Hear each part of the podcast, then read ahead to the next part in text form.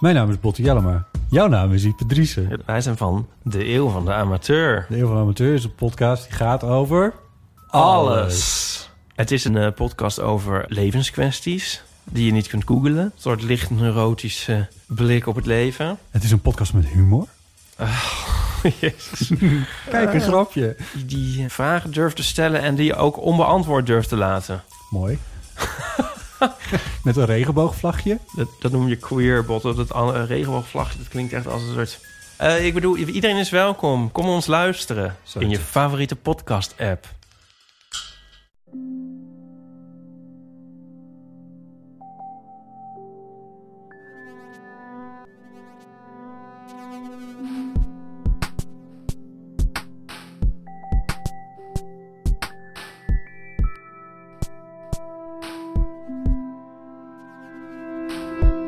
Ik ben Pieter van Relaas.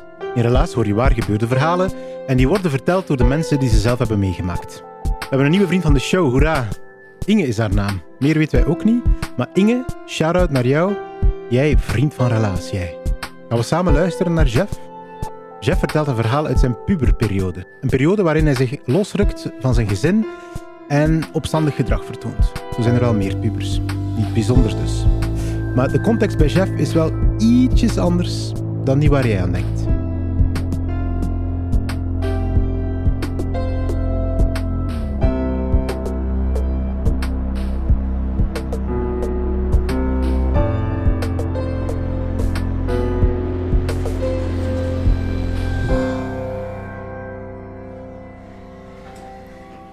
Ik heb super eh, toffe grootouders. En iedereen heeft super toffe grootouders, maar die van mij zijn echt nog super toffer. Ehm, dat zijn eh, mijn Bonnie en Bompa en mijn Bomma en Bompa. En eh, ik ga nu vooral vertellen over mijn Bonnie en Bompa. Omdat dat eh, de grootouders zijn waar dat mijn zus en ik de enige twee kleinkinderen zijn. En ja, dat geeft u een hele hoop voordelen. Eh, die familiefeesten ja, waren altijd kleine familiefeesten. Ehm, ja, mijn, mijn moeder als enig kind, mijn vader en mijn zus en ik. En dan die twee grootouders. Ehm, en die hadden dus alle aandacht voor ons, alle cadeautjes voor ons. Wij werden echt eh, rot verwend door die grootouders. Ehm, en dat brengt heel veel herinneringen met zich mee. Wij hebben, aan hun hebben wij heel veel te danken en we hebben heel veel leuke eh, dingen met hun gedaan. Al van heel klein gingen wij met hun kamperen. Het waren echte kampeerders. ehm, in de naaktcamping. Dat was eh, wel, ja, wij stelden ons daartoe geen vragen bij. Wij waren heel klein en liepen daar eh, heel natuurlijk rond in onze blote. En onze Bonnie die legde dan zo de plastieke flessen in de zon aan de zuidkant van de caravan. En als het dan eh, in de namiddag, als die dan warm geworden waren en we kwamen uit het zwembad, dan spoelden ze ons daarmee af. En eh zat zo een, grote doos spinnen in de caravan. Nou, dat, was geen, dat, dat heette zo snoepjes, die, waar dat we er altijd dat ene van mochten pakken. Ehm, en ja, dat hebben we gedaan totdat we die naaktcamping een beetje eh, raar begonnen vinden en zo. En dan hebben ze hun vakantieplannen ook wat aan ons, aan ons aangepast. We zijn met hun ehm, naar Frankrijk beginnen gaan. Ehm, die hebben ons meegepakt op eh skivakanties, wat dat mijn, mijn ouders no- nooit gedaan hebben. Eh, naar Legoland in Denemarken hebben die ons meegepakt. Eh, en wij mochten met hun ook naar pretparken, naar ehm, eh, kermissen en zo. Allemaal dingen waar dat mijn ouders eigenlijk niet zo fan van waren. Ja, met die grootouders mocht dat wel. En vanaf een bepaalde leeftijd, het zijn grootouders, dan begonnen die elk jaar naar Tenerife te gaan. Ehm, dat was, ja, de grootouders doen dat. Ehm, en dat was, niet, dat was Tenerife, meer bepaald Los Cristianos. En Los Cristianos, eh, kenmerkend daarvoor is dat daar maar eigenlijk alleen maar senioren zijn. En eh, dat de voertaal daar niet Spaans is, maar eh, meer Nederlands of ehm, meer specifiek Antwerps. Dus eh, als die dan naar de, naar de pétanque gingen, ja, nou, wij gingen dan mee naar de pétanque, dan konden daar ja, in het Antwerps praten met de andere oude mensen. De dijk is super senior en rolstoelvriendelijk. En, uh, en daar ook in Tenerife hebben wij eigenlijk, omdat we elk jaar opnieuw met kerstmis hetzelfde cadeau kregen, namelijk twee vliegtuigtickets voor uh, de krokusvakantie naar Tenerife. Dus mijn zus en ik mochten vanaf we, uh, ik denk, 11 en 9 of 12 en 10 waren, mochten wij elk jaar naar Tenerife in de krokusvakantie. En dat was zo een traditie. Op een duur was dat geen verrassing meer. Dat zou eerder een teleurstelling geweest zijn als dat ineens niet meer het cadeau was. Maar daarbij die wel echt elk jaar beter leren kennen en, en ja, ook stilletjes aan ja, ouder weten worden. En terwijl we zelf ook uh, opgegroeid zijn. De Bompa die steeds slechter tegen zijn verlies begon te kunnen, zelfs met, uh, met minigolf en zo. Dat hij echt niet van zijn kleinkinderen wou verliezen met minigolf. En um, ja, alle dingen dat ik daar ook van hem, van hem heb geleerd, um, zoals uh, vissen, de, de Bonnie moest dan de, de vissen kuisen en uh, wij, mocht, wij mochten die, gaan, die gaan vangen. Uh, de meest efficiënte manier om vijsjes te bewaren in kleine doosjes, wat ik nog steeds ook probeer te doen. Um, of hoe dat je een bos takken moet samenbinden met een, met een koord, met eerst een lusje maken en dan aantrekken van die dingen. Maar dus wij deden dat elk jaar opnieuw vanaf een redelijk jonge leeftijd. Um, en dat was allemaal mogelijk dankzij het UM-programma, het uh, Unassisted Minors. Uh, dat betekent, onze ouders gaven ons af aan de luchthaven en de vliegtuigmaatschappij zorgde ervoor dat wij in Tenerife uh, afgeleverd konden worden. initieel waren wij ja, nog, nog klein en waren die fluo-hesjes waarin het groot UM op stond, waren heel groot voor ons. en uh, wij, wij moesten permanent achter een, um, achter een hostess of achter iemand uh, aanlopen. En wij moesten ook niet in rijen staan of wij moesten niet... Je, naar een speciaal lokaaltje waar dat je van die... Uh, kleine Haribo-zakjes met mini-vliegtuigjes helemaal kon leeg eten en dan aan het volgende kon beginnen. Um, zo allemaal, ja, dat zijn heel... Wij waren nog klein toen, maar de, ik heb daar heel, heel actieve herinneringen aan. Um, en op die manier konden wij dus toch uh, naar Tenerife gaan zonder dat onze ouders uh, meegingen. Uh, mijn moeder werkte toen in toerisme, dus wij gingen ook wel, nog wel vaker, meestal in de paasvakantie, naar Zuid-Europa en ook wel redelijk wat vluchten gepakt. Ik probeer dat tegenwoordig te compenseren, die uh, voetafdruk. Maar uh, af en toe was zo'n vlucht dan overboekt en uh, dat, soms was dat wel een avontuur. Uh, we gingen dan een keer dat we moesten blijven logeren in een, in een hotel, omdat de vlucht overboekt was en we konden pas de volgende dag vertrekken. En ene keer, lang voor 9-11 en toen er meer dingen konden, uh, heeft mijn moeder zelfs geregeld dat er nog drie plaatsen waren, maar moesten mij vier mee. Dus ik mocht dan mee in de cockpit vliegen, zodanig dat, ik, uh, zodat we er wel allemaal nog op, de, op het vliegtuig mochten. Um, dat zijn de, de avonturen die we al op vliegtuigen hadden meegemaakt. Maar door dat UM-programma, we bleven dat elk jaar doen. Uh, en op een bepaald moment ja, vonden we wel dat we dat wel konden en dat we eigenlijk ook niet zo hard nodig hadden. Um, en um, er was een jaar dat we terug naar huis gingen.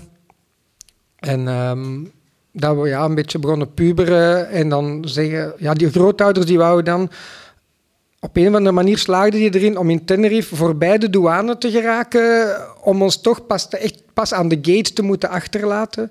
En wij zeiden, ah, ja, het zal wel goed zijn, het zal ons wel lukken, maar niet op een heel vriendelijke manier misschien, dus dat zorgde toen wel wat voor een conflict. En hadden ze nog gezorgd dat de, de dikke broers, dat was de, de bakker vanuit Antwerpen, die natuurlijk ook op Tenerife overwinterde, um, op dezelfde vlucht zat als ons, zodat wij, dat een dikke broers, heel een tijd uh, ook op ons kon letten. Ja, wij, wij, vonden dat allemaal niet tof op den duur, dat wij zo begeleid werden, want wij dachten, zeg, wij zijn al groot, wij kunnen dat hier wel. En het jaar na de dikke broers, dan gingen we dus weer opnieuw naar huis en dan was het weer. Maar ondertussen moesten we die hesjes moesten we die niet meer dragen. En ehm, we kenden wel ondertussen de, de bedoeling al. Maar ja, dat is iets wat een beetje ingebakken zit in mij. Al, al eh, in de lagere school stond er op mijn rapport... Jeff doet de dingen nooit zoals ze bedoeld zijn. Ehm, en eh, ja, dat is misschien, misschien nog steeds een beetje zo. Maar op dat moment ehm, was ik daar met mijn zus, maar ook met twee nichten langs de andere kant. Want die andere grootouders waren intussen ook natuurlijk op Tenerife aan het overwinteren. Ehm, dus wij zaten met vier op dezelfde vlucht. Ehm, en die ging eerst naar Madrid. En in Madrid moesten we dan overstappen uh, en naar uh, Brussel vliegen, naar Zaventem. Maar dus op dat moment dachten we van ja, waarom het doen zoals de bedoeling is als we het ook anders kunnen doen. Dus op het vliegtuig zei ik dan tegen mijn nichten en mijn zus, wat als we nu opsplitsen en we gaan niet per vier uitstappen uit dat vliegtuig, dan gaat die um-begeleiding ons nooit herkennen en dan kunnen we, we gaan zo wat bij koppels lopen en dan zijn we vrij in Madrid en dan kunnen we daar zo de luchthaven verkennen en zo. Dat gaat toch veel avontuurlijker zijn, dat gaat toch veel toffer zijn. Uh, mijn ene nicht was even oud als ik en dat was toen het uh, vierde middelbaar, dus ik denk ja, 16 jaar ongeveer. Uh, en dan, mijn zus was toen 14 en dan nog een nichtje van 12 die er ook bij was. Die van 12 hebben we niet geconsulteerd, denk ik, en de rest vond het een goed plan. Um, dus uh, we zijn effectief zo twee per twee bij koppels gaan lopen, uh, in Madrid uitgestapt en uh, we zagen daar effectief een, iemand staan, op de uitkijk staan. Ik hoop dat ze haar job nog heeft. Um, en dan, dan daarna waren we vrij. Hè. Konden we zo tussen de tax-free gaan lopen. Konden we daar, ja, eigenlijk, ja, een luchthaven is een luchthaven. Maar als je even vrij bent, dan is dat allemaal veel spannender. Dan, dus we waren daar heel blij en we dachten, we zijn hier heel goed bezig, we gaan het nog wel zotter maken. Ik stelde voor aan mijn uh, nichten en aan mijn zus, wat als we nu onze aansluiting naar Brussel missen? Dan gaan, kunnen toch alleen maar leuke dingen, leuke dingen gebeuren of, of, uh, of um, toch dingen die je, die je onthoudt uit voortkomen. Dus uh, natuurlijk was ook dat een heel goed idee. Uh, we hebben toen een beetje rondgesimmeld door de Ultimo Aviso por los señores pasajeros con destino Bruselas. Um, we werden zo regelmatig keer afgeroepen, maar we, we negeerden dat. En um, we kwamen daar effectief dus aan de gate toen dat die vlucht opgestegen was. En um, ja, ze waren daar tegelijkertijd zo blij en ook in paniek dat we daar dan stonden. En uh, dan hebben ze met onze ouders gebeld, die daar eigenlijk opvallend chill over waren, dat wij niet op die vlucht zaten. Um, en dan hadden ze, zoals eigenlijk een beetje het plan was, hebben ze ons dan uh, naar Hotel Barajas gebracht. Uh, een hotel waar dat je dan, ja, in onze ogen was dat dan heel chic. Dat was luchthaven chic, want dat is een hotel dat niet, niet ver van de luchthaven ligt en eigenlijk bedoeld is voor overboekte vliegtuigen of voor gestrande reizigers of zo. Maar in onze ogen was dat heel chic, met dikke tapijten en met een buffet waar dat je kon gaan eten. En, waar dat je... en ja, het belangrijkste, we waren daar met ons vier, we waren, we waren groot dan. Hè. Um, dus door die gangen lopen en... Ah, hier is een, een telefoon, kom, wie, kent er een telefoonnummer? Want ja, dat was nog niet meer van pakt uw adresboek of pakt u... Dus elk telefoonnummer dat iemand kende, moesten we toch een keer gebeld hebben om te zeggen dat we in Madrid waren. ik had mijn klassenlijst ook bij, dus ik heb naar mijn, titularis gebeld en gezegd... Ik zal morgen niet op school zijn. um, En uh, dan, ja, dan, dan, mochten we naar onze kamers. Dat waren twee kamers aaneengesloten. En uh, ja, met zo'n betaaltelevisie, wat een beetje ongemakkelijk wordt, omdat dat zo voor de helft erotica-kanalen zijn, waar dat je dan met je zus en je nichten naartoe zit, zo langs zit te zappen. Um, ja, alles was, was, was, was wel speciaal op dat moment. De volgende dag... Um, pakten we het vliegtuig dan weer uh, naar België, een dagje te laat. Um, en op het vliegtuig hebben we dan tegen elkaar gezworen dat dit verhaal nooit of ten nimmer verteld mocht worden. En uh, zeker niet ter oren mocht komen van mijn grootouders of onze ouders. Want dat moest echt, moest echt geheim blijven. En ik denk dat dat altijd uh, goed gelukt is. Er zijn um, ondertussen drie van de vier uh, grootouders overleden. Nog niet zo heel lang allemaal.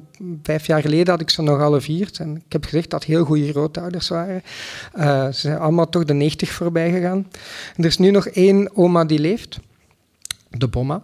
Maar dus Bonnie en Bompa, die ons altijd zo verwend hebben, die uh, zijn gestorven. En het is... Um, ja, het is het feit dat wij hebben afgesproken, we gaan dat nooit aan hun vertellen, dat verhaal. We gaan, ik ga dat nooit met hun delen. Daar heb ik nu zo wel een dubbel gevoel bij, omdat ze er niet meer zijn. En ja, de mens sterft en dan sterven zijn verhalen mee, behalve als ze, als ze verteld zijn. En ik had het eigenlijk wel graag aan hun verteld en ik had eigenlijk ook nog graag zoveel meer verhalen van hun gehoord.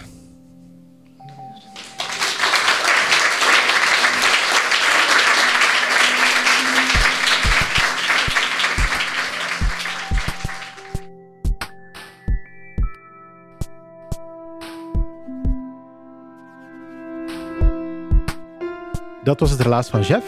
Hij heeft het verteld in Huzet in Gent. Het was in mei van 2022. Persoonlijk vind ik puberverhalen altijd hilarisch om naar te luisteren. Ja, ik vind dat toch zo, als je daarop terugdenkt, dan denk je, wat was er met mij toch aan de hand? Zo tussen nu 14 en nu 18 jaar. Hè? In Nederland bestaat er trouwens ook een podcast zoals Relaas, die heet daar Echt Gebeurd. En daar hebben ze af en toe zo van die afleveringen waarin ze mensen laten voorlezen uit hun puberdagboek. Ik weet niet of jij ook een puberdagboek hebt, maar ik heb er zo nog eentje liggen. Dat is hilarisch. Ik uh, hoop dat ik er nooit live zou uit moeten vertellen, maar het kan dus in echt gebeurd. Als je zelf trouwens een puberverhaal te vertellen hebt, en zeg nu zelf, iedereen heeft er wel eentje. Uh, laat ons het dan weten via onze website. Dan gaat die van onze relatiecoaches ermee aan de slag. Um, wij hopen op niet al te veel traumatische ervaringen tijdens jouw puberperiode, maar dat kan natuurlijk. Hè. Um, maar ik hoop voor iedereen dat die zijn periode als jonge puber herinnert als iets positiefs of misschien als iets hilarisch eerder dan iets traumatisch. Misschien met een hele straffe anekdote, dan mag je die altijd delen. Hè? Via relaas.be, daar kan je een formuliertje invullen. En dan uh, laten wij jou um, weten als we jouw verhaal tof vinden. En dan gaat er een relaascoach samen met jou aan de slag. En als je deze podcast wijs vond, overweeg het dan alsjeblieft om vriend van de show te worden. Alleen zo kunnen wij jaar na jaar blijven doen wat wij doen. En alleen zo kunnen wij deze podcast gratis tot bij uh, een hele hoop mensen brengen. Als je vriend van de show wordt, dan krijg je ook een exclusieve blik achter de schermen van Relaas. Um, die deur gaat open op het moment dat je uh, surft naar vriendvandeshow.be slash relaas. Dankjewel ook aan de afdeling cultuur van de stad Gent en die van de Vlaamse gemeenschap. Zij zorgen ervoor dat wij in Gent, Brugge en Antwerpen leuke vertelavonden kunnen blijven houden. En dankjewel ook aan het hele team van Relaas. Jullie zijn het kloppend hart van onze podcast en van onze vertelavonden. Zonder jullie zou het hier maar een hele saaie bedoeling